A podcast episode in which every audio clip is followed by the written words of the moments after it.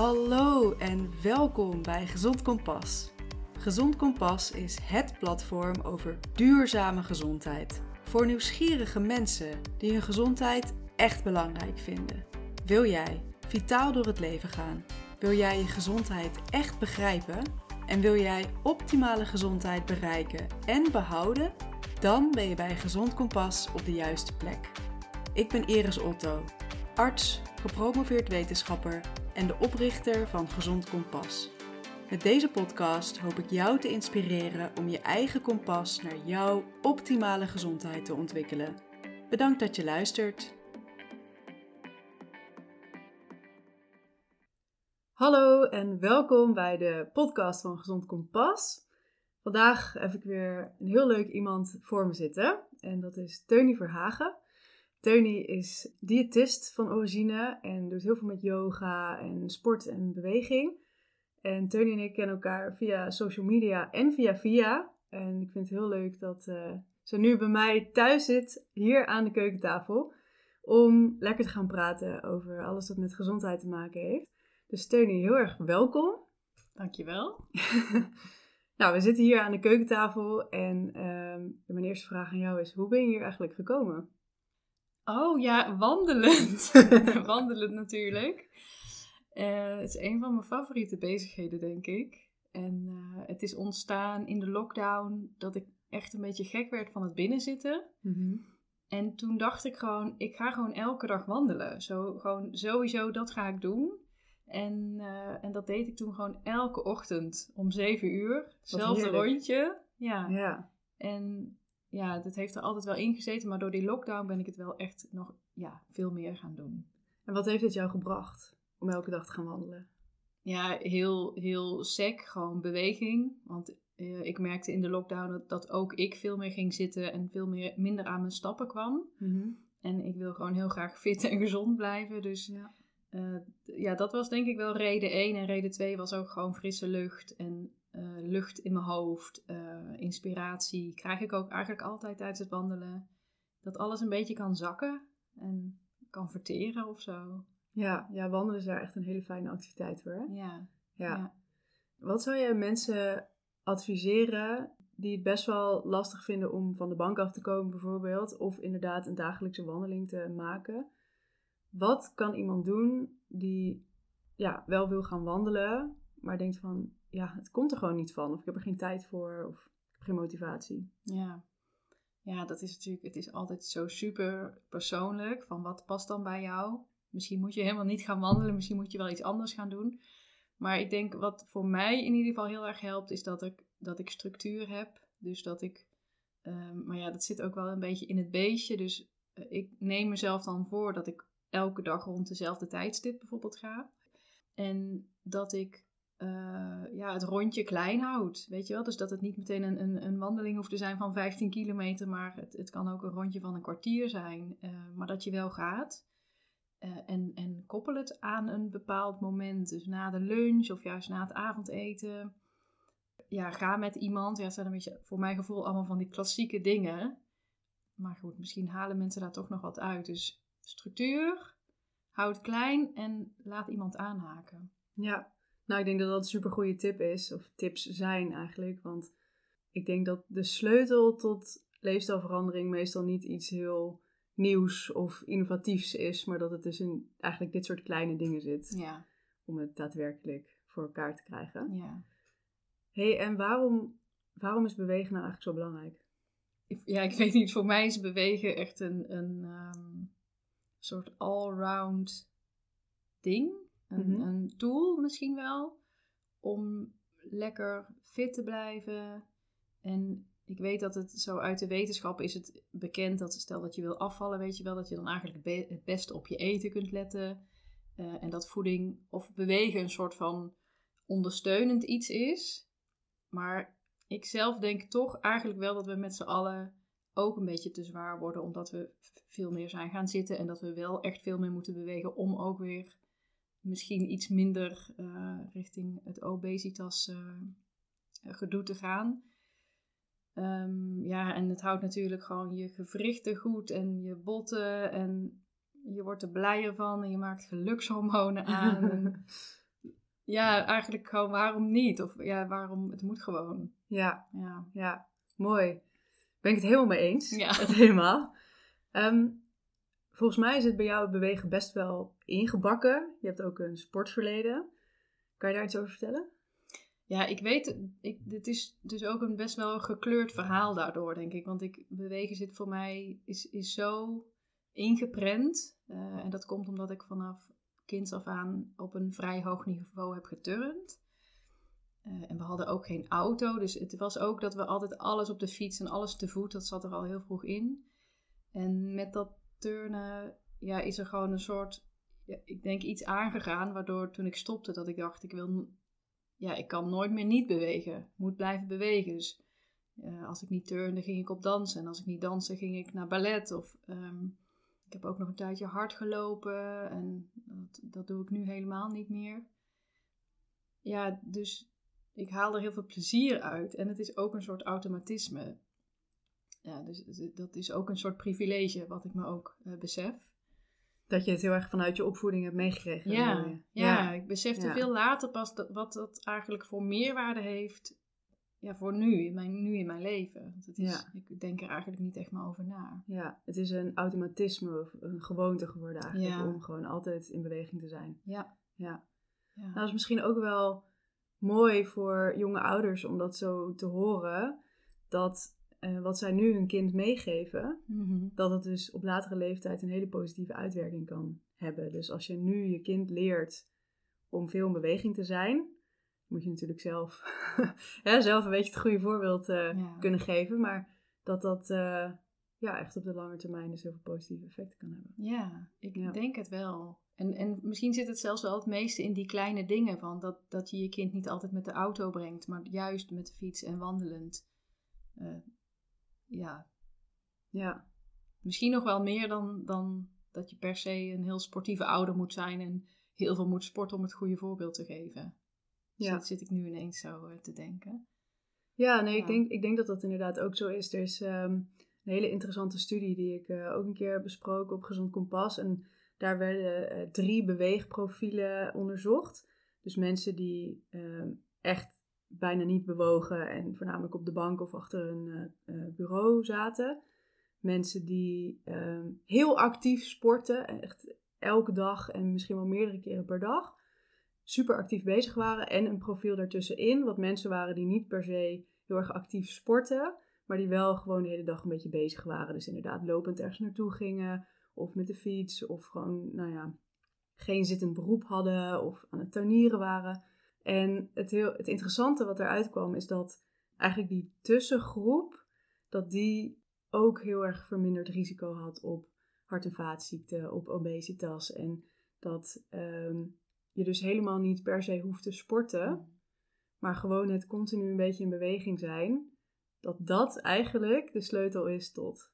Ja, dat, dat denk ik ook. Ja, dat denk ik ook. Want ik weet niet hoe dat bij jou zit, maar mijn actiefste dagen zijn eigenlijk ook als ik dus gewoon lopend naar het station ga, lopend naar de, naar de bus, weet ik wel. Dus al die kleine dingetjes, dan heb ik de actiefste dagen. En terwijl dat als ik echt ga sporten, dat ik op de een of andere manier, volgens mij is het ook een soort eh, dingetje in de wetenschap, dat je dan onbewust gaat compenseren. Dus als je heel hard hebt gesport, dat je dan later op de dag eigenlijk minder actief bent. Ja, want je hebt al zo hard gesport Ja. of je bent misschien moe. Ja, Ja, en, en dus dat dat helemaal niet altijd hoeft, ja, dat harde sporten.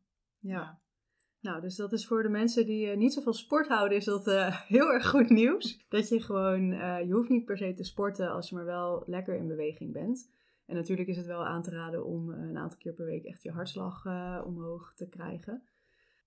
Ja, ik heb wel overigens ook een keer helemaal aan de andere kant gezeten. Dus Ja? ik heb ook heel erg veel hard gesport. En dat was juist in een periode waarin, het, waarin ik helemaal niet goed in mijn vel zat en eh, in een burn-out zat. Maar dan werd het een soort overlevingsstrategie. Want het was eigenlijk het enige wat ik nog kon. En wat ik goed kon, ja. Wat heel bizar was, want ik was doodmoe. Maar daar sleepte ik me dan toch elke keer weer naartoe. Hmm. En dat gaf me dan nog een soort van goed gevoel blijkbaar. Maar dat wa- was wel echt te veel. Ja. Ja. Dus dat was een hele aparte uitwerking, vond ik dat zelf. En eh, daar ben ik daarna echt rigor- rigoureus mee geminderd. Want ik dacht, dat maakt het lichaam ja, te veel maakt het lichaam ook stuk. Ja, ja nou, dat, dat zie je natuurlijk ook hè, als, als sporters op heel hoog niveau. Dat bepaalde functies, zoals bij vrouwen de menstruatie, dat die dan, ja, die worden naar achter geschoven, zeg maar. Ook inderdaad een soort van overleving. Uit jouw verhaal hoor ik dat jij, hè, nou ja, zowel op professioneel gebied, maar ook dus op persoonlijk gebied, heel veel met gezondheid bezig bent geweest, eigenlijk je hele leven. Wat betekent gezondheid voor jou? Ja, ik heb daar vandaag op het toilet over nagedacht. Altijd een goed moment. Altijd een goed moment. Ja, dat zijn van die overdenkingsmomenten. En, want vroeger, dat is echt veranderd. Ik was vroeger best wel een soort dogmatisch. En vroeger had ik echt het idee dat je alles met gezond eten kon oplossen. Ehm, en dat was toen gewoon helemaal mijn, mijn passie. En ja, ik dacht echt, elke ziekte, alles kan je oplossen als je maar gewoon beter eet. Nou, misschien is dat ook wel deels zo, maar ehm, ik ben wat minder streng in de leer geworden, denk ik. Mhm. Eh, en ik vind het echt veel, veel milder en veel mooier als mensen ja, eten waar ze zich goed bij voelen. En dat dat ook soms een keer uit de bocht kan vliegen en dat je dan daarna de draad weer oppakt. Eh, en dat het, ja, gezondheid is voor mij veel meer dat je ja, de, de regie in handen hebt. Dus dat als je weet, oeh, ik ga een beetje de mist in of zo, dat je het weer terug kunt pakken. En, en gezondheid is dus niet alleen maar eten, maar ook ontspanning en bewegen en een frisse neus halen aan het strand, weet je wel. Dus veel, veel breder dan ik, eh, ik denk tien jaar geleden naar gezondheid keek. Ja, mooi. En ja, je bent nog steeds heel veel bezig uh, met gezondheid. Uh, ik uh, zie je echt overal terugkomen. nou, even voor de luisteraar om een klein beetje een beeld geven van wat Tony allemaal doet. Misschien, misschien wil je het zelf vertellen eigenlijk. Ja, nee, ja, dat is ja, goed. Ik ja. kan het wel opnoemen, maar Ja. beter als het van jou komt. Ja, nou, ik ben, ik ben dus officieel diëtist. Alleen dat doe ik, dat, dat eh, voer ik nu eigenlijk niet meer uit. Eh, wat ik wel nog doe, is ik ben docent voeding al een tijdje. En dat doe ik nu op, een, eh, op de Academie voor Leefstijl en Gezondheid. Daar ben ik docent. En eh, je kunt me ook ja, de laatste tijd tegenkomen bij de Albert Heijn. Want ik zit in de nieuwste app van Albert Heijn, de Leefstijlcoach app. En daar ben ik yoga-docent of yoga-coach. Ja, gefeliciteerd trouwens. Ja. Echt eh, super vet. Ja. Ja, een hele, hele toffe app ook. Eh, en toffe opdracht. En ik ben yoga-docent. En dat, eh, ja, online yoga studio heb ik. En ja, dat zijn eigenlijk mijn drie pijlers nu. Ja. Maar als je me googelt, dan kom je waarschijnlijk ook andere dingen tegen. Maar ja, want je hebt ook heel veel geschreven. ja, En ehm, je hebt natuurlijk eh, ook samen met eh, je compagnon Carine Hoender- Hoenderdos heb je natuurlijk ook leuke evenementen georganiseerd. ja, Dus je bent heel erg actief. eh, doet heel veel, ehm, nou ja, ik wou, wou zeggen verschillende dingen, maar misschien, het sluit wel allemaal bij elkaar aan natuurlijk. ja, ja. Ehm, hoe krijg jij het voor elkaar om dus eigenlijk met zoveel eh, energie die je in al die, al die dingen steekt, om dus, nou ja, dus zowel succesvol en productief, maar tegelijkertijd ook nog gezond te zijn? Want dat is natuurlijk waar heel veel mensen mee struggelen. En hè, dan gaan ze voor succes of productiviteit, maar dan valt gezondheid weg. Of je gaat voor gezondheid en dan valt de rest een beetje weg. Maar jij lijkt het allebei eh, te kunnen doen. Hoe doe je dat? Ja, maar dat is natuurlijk ook een keer goed misgegaan. Dus ik heb een tijd veel te hard gewerkt. En toen deed ik nog meer. En dat trok ik ook niet. Eh, en het grappige is dat wat toen het eerste wegviel, was gezond eten. Terwijl dat ik daar altijd voor gestreden had. Dus dat was echt voor mij een soort van, wat, wat is dit? Eh, en dat heeft heel lang geduurd. Dus ehm, uiteindelijk ben ik werk gaan schrappen, opdrachten gaan schrappen en meer gaan focussen op wat, waar haal ik nou echt het meeste energie uit en kan ik ook nog van rondkomen. En eigenlijk ja, heb ik nog nooit zo weinig gewerkt als nu. Eh, dus dat komt omdat ik gestopt ben met het schrijven. Bijvoorbeeld, ik schreef ook nog voor I'm a Foodie. Ehm, communicatie voor gezondheid en voeding schreef ik ook nog voor. En ja, dus ik heb, ben met bepaalde dingen gestopt. Dus keuzes maken heeft mij heel erg geholpen. En wat me ook heel he- erg toen heeft geholpen is yoga. En daar ben ik uiteindelijk dus ook nog mijn beroep van gaan maken. Dus ja, het lijkt wel een beetje als ik dingen leuk vind, dan ga ik er altijd werk van maken. Wat dus ook een valkuil is. Omdat je dan meer gaat werken. Ja, dus dan, ik vind zoveel dingen leuk en ik wil alles met 100% doen. Ja. Eh, dus dan, dan, ja, dan ga ik ook wel eens over mijn grenzen heen.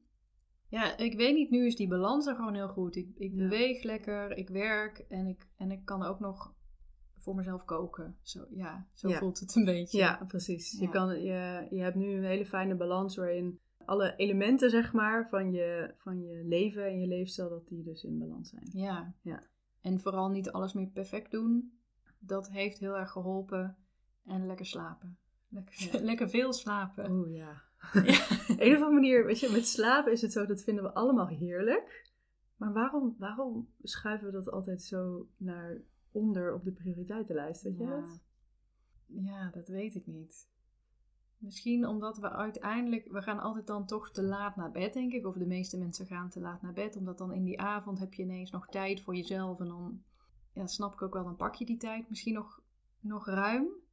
En als je dan eenmaal in bed ligt, dan wil je er misschien liever niet uit. Dus dan gaan mensen natuurlijk ook niet om zes uur opstaan. Ja. Dus misschien zit daar, Ja. ja, zit daar wat. Ben jij van eh nature een vroege vogel? Ja. Ja? Ja. Hoe laat sta je op? ja, het liefst zes uur.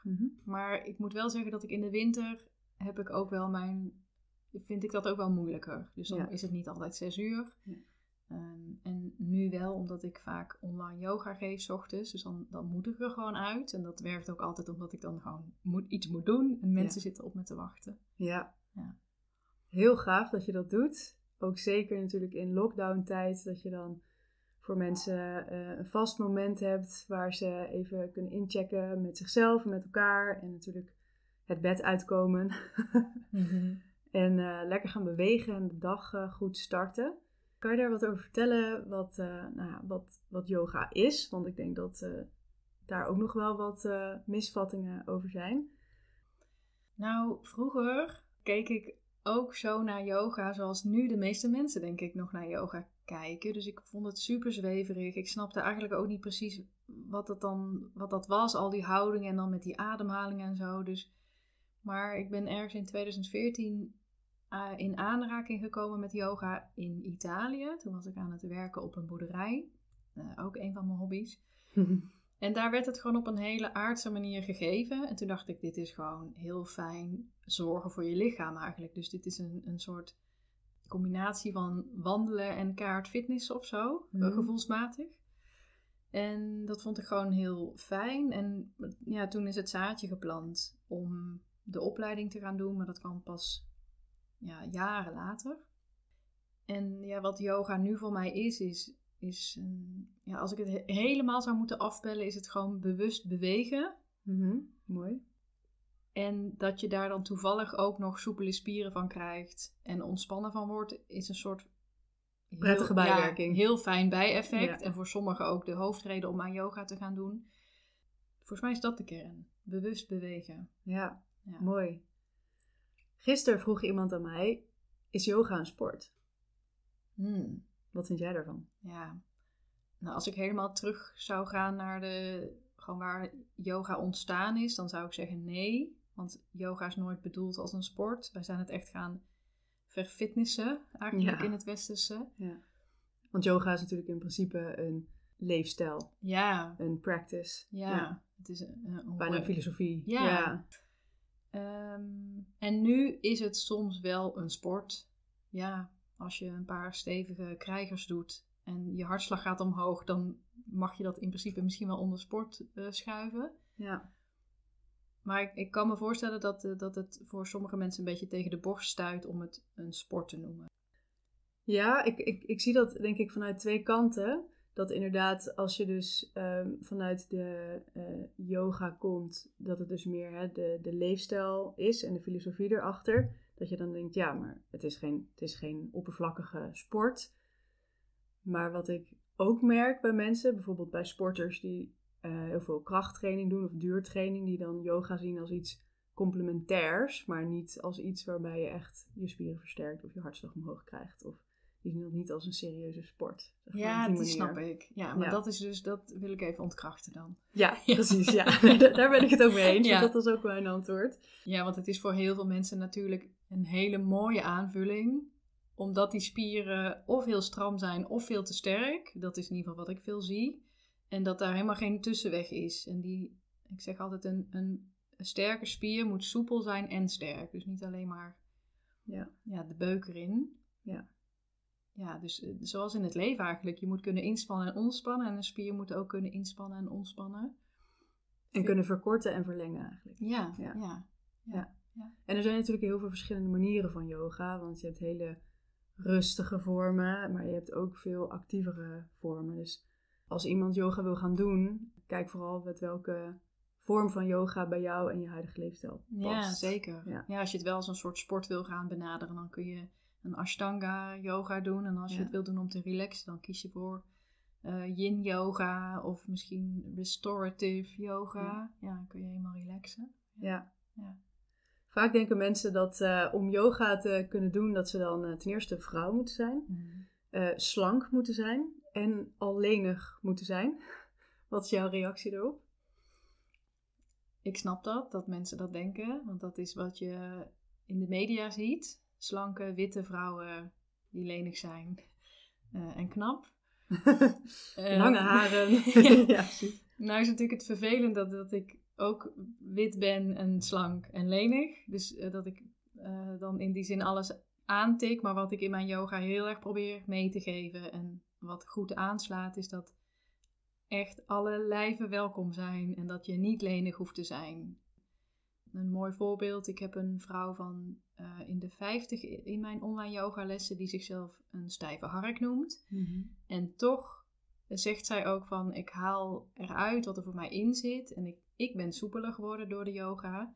En ja, zij wordt misschien nooit lenig, maar dat is ook dus nooit het doel van Nee. yoga. Nee, want dat is wel het doel. Ja, eh, ik zeg altijd in, van in, in de context van jouw lichaam de soepelheid opzoeken. Dus dat is bij sommige mensen een, ja, een neus eh, op je knie. En bij sommige mensen, ja, die komen daar nooit. En dat is helemaal oké. Is het ook wat Ja. eerder zei je bewust bewegen?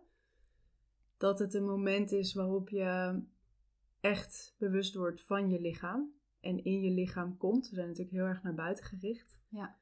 Dus dat eh, ongeacht of je inderdaad je neus op je knie kan krijgen. Maar dat het de beoefening van yoga, dat dat een moment voor jezelf is eigenlijk. Ja. Waarbij je even bij jezelf incheckt weer. Ja, je checkt, je checkt natuurlijk zeker in, in, in je lijf. En eh, eigenlijk verbind je een beetje gewoon eh, het hoofd met het lijf. Hè? Dus zo in de alledaagse dingen ben je soms misschien meer geneigd om in je hoofd te zitten, veel doen. En bij yoga proberen we dat te verenigen. Dus dat je, je hebt een heel lijf met een hoofd en dat, en dat mag samenwerken. En dat betekent bijna voor iedereen dat ze inderdaad bewust worden van, ah, dit is mijn lichaam. En ja, bewust bewegen. Ja. Ja. En bijna altijd worden mensen daar ontspannen van. Ja, ja dat herken ik zelf eh, natuurlijk ook heel Ja. erg. En eigenlijk is het ook, ja, het is een soort vorm van mindfulness. Het is ook een voorbereiding op meditatie natuurlijk. Ehm, jij hebt ook de eh, yoga podcast opgezet. Ja. Wil je daar wat over vertellen? ja. Het is allemaal begonnen in de lockdown eigenlijk. Want in die lockdown kreeg ik allemaal ideeën. En dacht ik, oh mensen zitten te veel en zitten nu nog meer thuis. Eh, zo is ook volgens mij de online yoga begonnen. Ooit met een, een soort van grapje eigenlijk. Van kijken hoe dat gaat werken. Nou, dat werkt dus goed, want het, het loopt nog steeds. En in diezelfde lockdown, ja, de een van de eerste waarschijnlijk, dacht ik ook, ik kan ook al een podcast op gaan nemen met meditaties. En dat, eh, nou, dat doe ik zo af en toe. Dus de yoga podcast, daar kun je allerlei meditaties vinden, kort, lang. Voor slapen, voor opstaan, eh, voor dingen afronden, een nieuwe start. Ehm, en ik hoop daar in de toekomst nog wat meer te gaan vullen en misschien ook wat meer ehm, ja, te vullen met gesprekken. Leuk. Ja. Nou, het lijkt me een hele waardevolle bron voor mensen om eens te gaan kijken. Ik zal hem ook linken in de show notes. Dus eh, voor de luisteraar, daar kan je dan de link vinden naar de, de yoga podcast van Ja. Teunie. Ja. Ehm, iemand die nog niet aan yoga doet. maar die hoort jou praten en die denkt, dit klinkt fantastisch. Hoe begin ik met yoga? Natuurlijk bij Ja. jou in de online. eh. Nou, YouTube staat vol, hè. Dus eh, zo ben ik zelf niet begonnen. Maar je kunt op YouTube echt tal van filmpjes vinden. Eh, en ik zou gewoon lekker beginnen met iets korts. Een korte, een korte yogales. En lekker gaan uitproberen wat bij je past. Ehm, en vaak heeft het ook heel erg te maken met wie het geeft. En of je iemands stem fijn vindt. Dus los van de vorm moet dat ook, eh, zeg maar, klikken. En net als met het wandelen en net als met het eten, hou het klein. En eh, denk niet dat je meteen vijf keer in de week ja, op de yogamat moet stappen. Ehm, want dan wordt het een soort straf, weet je wel. En ja. daar wil, wil ik in ieder geval heel ver van wegblijven. Ja. Dus probeer het uit. Ja. ja, Ja. mooi. En ik denk ook, laat je niet intimideren door als je een keer een, het tussen aanhalingstekens verkeerde filmpje hebt aangeklikt op YouTube en je denkt, oh, ik kan het helemaal niet en ik kan het niet bijhouden of hè, iets in die trant. Dat je dan gewoon een ander filmpje probeert. Ja, precies. Ja. Ja. En als je een stok achter de deur nodig hebt, dan is het, dan is het fijn om iets live mee te doen. Hè? Dus dan zou je op zoek kunnen naar een yogaschool waar je live kunt aanhaken. Ehm, ja, het is, het is lekker uitproberen en je ook niet laten afleiden door eh, hele lenige yogajuffen. Nee. Daar moet je een beetje doorheen kijken. Ja. Hey, even over voeding. Mhm.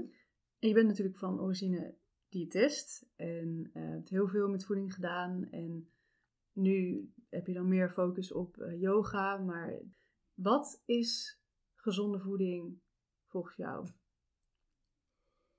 Ja, het is al heel steeds vroeger dacht ik heel ehm, ja, gezonde voeding is eten wat bij je past, maar dat is misschien een beetje afgezaagd.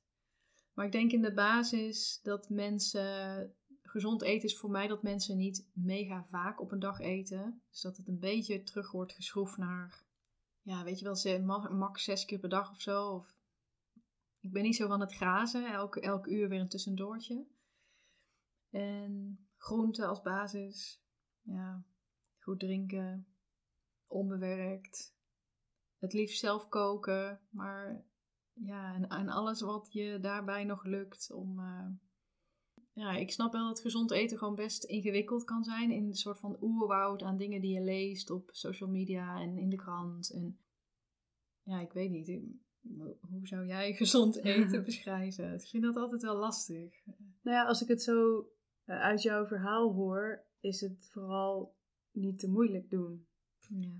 En hou het simpel. En dat betekent dus ook inderdaad zelf maken en zoveel mogelijk onbewerkt. Want dat is eigenlijk de meest simpele vorm van voeding. Ja. Dus niet iets uit een pakje halen waar zoveel eh, honderd ingrediënten in zitten en wat eh, ultra bewerkt is. Maar als je nog kan herkennen waar het vandaan komt, zeg maar. Dat je, ja. Ja, dat is altijd, dat is altijd goed, een goede meetlat. Maar ik zit een beetje te twijfelen om wat, wat moet ik zeggen, omdat ik ehm, weet dat het gewoon zo verdraaide moeilijk is om alles zelf te Ja. maken, weet je wel. Dus dat het, je hoeft ook niet elk bakje hummus en elke tomatensaus zelf te, te, willen maken. Ja, het gaat zo om die balans, weet je wel. Je kunt gewoon een keer super ongezond eten en, en de volgende dag het weer recht trekken en Ja. wel koken, weet je wel. Ja. Dus Elk moment is een moment om een gezonde keuze te maken. ja, Ja. ja. En niet zo, zo van, oh, ik heb deze week eh, een reep chocolade op, dus de hele week is, is Gedoemd. verpest. Ja. Ja. Dat is echt zo'n klassiek ding wat ik vroeger als diëtist dan heel veel tegenkwam.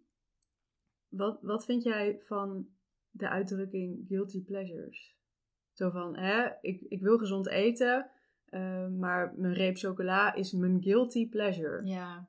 ja, van dat woord kan je natuurlijk een beetje allergisch, eh, re- kun je een beetje allergische reactie van krijgen. Want waarom zou je je er schuldig over moeten Precies. voelen? Hè? Ja. Ja. ja, je kunt helemaal over die term gaan vallen, maar ik denk dat veel mensen wel een guilty pleasure hebben. En, maar ja, bouw het gewoon in je leefstijl of zo. En Ja. voel je er dus niet schuldig over. Ik zeg altijd tegen mensen, geniet er gewoon heel erg van. Ja, Maak, het jezelf, maak je jezelf niet guilty, nee. maar maak het gewoon onderdeel van jouw leefstijl en own it. Weet je wel? Ja, Ja. own die guilty pleasure. Ja, maar dan, ja, er moet eigenlijk een ander woord voor komen. Ja, Gewoon, ja eh, gewoon een enjo- enjoyment of zo. ja, Ja. ja. Ja, en weet je, met voeding is het ook nog zo... Je, ja, er valt natuurlijk over alle diëten wel wat te zeggen. Dus, en ik heb ze zelf ook denk ik allemaal gevolgd. Gewoon om, omdat ik uit interesse gewoon nieuwsgierig ben van wat Mhm. gebeurt er dan. Dus ik heb zo'n enorm ketogeen dieet gevolgd. eh, wat ik echt zalig vond. Maar altijd was mijn conclusie weer van... Oké, ik voel me er heel fijn bij en ik voel me gezond en zo. Maar ik hou dit niet vol. Want het is Mm. gewoon te extreem. Ja. Maar Ja. Wat, wat maakt het dan dat we het niet vol kunnen houden? Is het omdat het te veel tijd kost om al die maaltijden te maken? Is het omdat het eh, te duur is om de ingrediënten te kopen? Is het omdat er te veel verleidingen zijn in ons, onze omgeving? Wat maakt het dan dat we, ondanks dat zo'n dieet ons heel erg goed laat voelen, dat we het toch niet volhouden? Ja, Of is het gewenning, dat we al x aantal jaar gewend zijn aan een bepaald voedingspatroon en dat dan drie maanden een bepaald dieet niet voldoende is om het echt om te gooien? Ja. ja, ik heb altijd het idee dat eh Arie Boomsma zegt er ook zulke mooie dingen over. Hè? Dus dat je niet, je kunt niet varen op je discipline. Want die discipline gaat op een dag. Een beperkte voorraad. Ja. ja. Terwijl dat een gewoonte, dat, dat blijft hangen. Maar zo'n zo'n ketogeen dieet, het, het, voor mij werd het gewoon geen gewoonte. Ik vond het A ook heel erg duur. Hm. En ik kon nergens meer gaan eten. Weet je wel, bij vriendinnen of zo, dan moest ik weer mijn eigen bakjes meenemen. Dus op die manier was het, is geen één dieet voor mij houdbaar, Nee, wat mij betreft. nee. Maar als ik dat dan zo hoor, heeft het ook wel te maken met de omgeving. Ja, als iedereen ketogeen zou eten, dan zou het geen probleem zijn. nee, Bij wijze van spreken. Ja. zeker. En als Ja. alle fastfoodrestaurants. Weg zijn, dan eh, Ja, want dat zijn natuurlijk ook steeds weer van die prikkels. prikkels die een, een, een aanslag zijn eigenlijk op je discipline. Van, ja, ga je bij mij naar binnen of niet? Ga je bij mij naar binnen of niet? Ik denk dat daarom voor veel mensen zulke diëten gewoon niet houdbaar zijn. Ja. Wat, wat eet jij over het algemeen heel graag? Wat is jouw lievelingseten? Echt zo'n lekkere eh, groep 6 vraag dit, maar...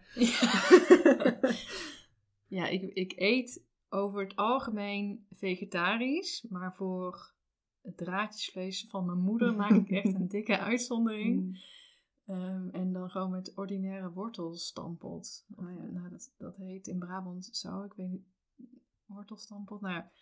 Hoe heet het in Brabant? nee, ja, ik noem het altijd wortelstampot, maar heet dat niet hier anders? Ik zou het niet weten. Het is best wel to the point, toch? Ja. Wortelstampot. Ja. Maar dat, dat heb ik heel graag en, en ik ben echt dol op ontbijt. Dus havermoutjes en bananenpannenkoekjes. Dus Mm. een be- een beetje een zoete kou ben ik wel. ja. Ja. Heb jij dan ook een zogenaamde guilty pleasure? ja, vroeger was dat altijd cheesecake. Hmm. Maar nu, het, ik hou gewoon heel erg van taart en gebak. Dat is Ja. gewoon die, hele, die hele range die... eh, Ja. dat is mijn eh, geniet. Moment. Ja. Ja. ja, mooi. Nee, mooi dat je dat zo zegt. hey, als jij een, ja, een soort van top 3 van voedingsadviezen mee wil geven aan de luisteraar, wat zou je dan zeggen? Eet minder, vaak. Probeer je eetmomenten misschien zo tot max 6 of zo, het liefst 4 te beperken. Eet onbewerkt, dus dat betekent voornamelijk dingen zelf maken. Of als je iets kant-en-klaars koopt, check heel even de verpakking. Van hoeveel E-nummers zitten erin en hoeveel suiker en zo. En ik zou bijna ook willen zeggen van eet samen. Maar ik weet dat dat natuurlijk voor niet iedereen haalbaar is. Maar dat, dat maakt ook dat eten een soort van fijn moment wordt. En Ja. een soort ontspannen moment. En eh, om te delen. En ik denk dat dat in deze samenleving is eten een beetje zo vlug, vlug. Ja. Even snel. Ja, misschien kan je er wel aan toevoegen, eet aan tafel. Ja, Ja. Dat je er inderdaad echt een moment van maakt. ja, En misschien ook leuke tafel dekt. ja. Echt, eh, En- even, ook een genietmoment van Ja, maakt. en ook als je solo bent, als je alleen bent. Ik ben wel eens geïnterviewd eh, door een, een magazine en ja, daar kwam ook naar voren van dek de tafel maar helemaal voor jezelf. En natuurlijk ga je dat misschien niet elke dag doen, maar steek een kaarsje aan, zet een muziekje op en maak het dan maar voor jezelf helemaal fijn. Ja. ja, want eten is natuurlijk iets heel erg cultureels en iets heel erg sociaals. En wat jij net zegt, het is nu een beetje verworpen tot vlug, vlug en er moet gewoon wat in als brandstof. Mhm. Maar hoe kunnen we dat weer terugvormen naar inderdaad dat culturele, sociale, bijzondere moment eigenlijk? Ja, zit er Ja. ook niet helemaal in, hè? Ik denk in de Nederlandse maatschappij. Als je naar Italië gaat, dan is dat Heel anders. gewoon ook heel Ja. normaal. En word je echt met een schuin oog aangekeken als je een boterham eet. als lunch. Maar dat is wel een, eh, een belangrijk punt, ja. We hebben, we hebben het al eh, een beetje besproken, maar ik wilde toch nog even als eh, laatste vraag stellen. Wat zijn voor jou eigenlijk de belangrijkste elementen van jouw leefstijl waardoor jij je echt gezond voelt? En ook gezond kan blijven voelen. Bewegen, het liefst buiten, slapen en eten. Ja. Ja. ja, misschien heb ik wel een top 10, maar ik denk wel dat dit Ja. de allerbelangrijkste zijn. Ja, natuurlijk is, is, is verbinding en liefde geven en ontvangen van anderen ook wel heel essentieel. Maar ja. het zijn de eerste drie die oppopten. Ja. Ja. Ja, mooi. En als ik eh, even terugblik op eh, het afgelopen half uur, dan heb je ook een aantal andere hele belangrijke dingen genoemd, waaronder dus prioriteiten, dus keuzes maken in de dingen die je doet en in werk bijvoorbeeld. Eh, grenzen stellen aan jezelf, zorgen dat je ook voldoende, voldoende aan je ontspanning komt. Ja, mooi. En als, ik dacht ook van nog, als die ontspanning er niet zo in zit bij jezelf, want ik herken dat ook heel erg van mezelf als ik hele drukke tijden heb, dan, dan plan ik het gewoon in mijn agenda. Weet je wel, soms moet dat gewoon. Moet je gewoon zeggen, op dinsdagavond ga ik gewoon van 7 tot 9, trek ik de stekker eruit. En, Ja. eh, want anders komt het niet, niet van. Nee, precies. Nee, dat is inderdaad ook een advies dat ik eh, vaak meegeef eh, aan mijn cliënten van zet het gewoon in je agenda. Ja, Maak gewoon een afspraak met jezelf. En maak die ook zo belangrijk dat niet een andere afspraak er tussendoor kan komen. exact. Ja. nou, Tony, super bedankt eh, voor dit mooie en inspirerende gesprek. Ik weet niet of jij nog iets hebt wat je heel graag wilt toevoegen, waarvan je denkt, nou, dat hebben we nog niet besproken, maar vind ik wel heel belangrijk om mee te geven aan de luisteraar. Ja, jeetje. Zo, er is eigenlijk zoveel te vertellen, maar ik denk toch, wees geen perfectionist is nog wel eentje die ik graag wil meegeven. Niet alles hoeft perfect, dus ook niet met je leefstijl. En als je hoofd een keer helemaal vol zit en je bent super gestrest, schrijf het op. Dat is ook nog wel een fijne Ja. tool om een beetje stress weg te schrijven, letterlijk. Ja, mooi. Ja, en ik zou ook eh, willen zeggen van hè, als eh, mensen nog meer eh, willen weten van alle wijsheid die jij hebt te delen, ga Tony dan vooral volgen op social media. Dus kan je vertellen waar mensen jou kunnen vinden, waar ze jou, nou, jouw yoga kunnen vinden, jouw podcast kunnen vinden. Eh, ik begin bij de podcast, die heet de Yoga Podcast. En daar vind je dus mijn meditaties. Ik heb ook een YouTube kanaal, Yoga met Teunie. Daar staan een aantal eh, gratis lessen op die je dus een keer kunt uitproberen. Eh, mijn website, yogametteunie.nl. En dan ben ik ook nog op Instagram, ook Yoga met Teunie, is allemaal heel makkelijk te vinden. En ja, misschien ook... ehm, Nee, volgens mij is het dat wel. Denk ik. Ja? Ja.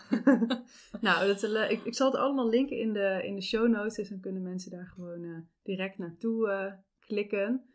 En eh, ja, dan wil ik je vooral heel erg bedanken. Jij ook, dankjewel. Je luisterde naar de podcast van Gezond Kompas. Ik hoop natuurlijk dat je deze aflevering waardevol vond. En ik waardeer het ontzettend als je de podcast met anderen deelt en een beoordeling en een recensie achterlaat. Dit helpt namelijk om de podcast te laten groeien en zo meer mensen te kunnen ondersteunen in duurzame gezondheid. Dus alvast bedankt voor je moeite. Abonneer je op dit podcastkanaal om op de hoogte te blijven van nieuwe afleveringen en volg Gezond Kompas op Instagram. Voor alle artikelen, downloads en andere handvatten voor een duurzame gezondheid, ga naar gezondkompas.com. Nogmaals bedankt voor het luisteren en graag tot de volgende keer.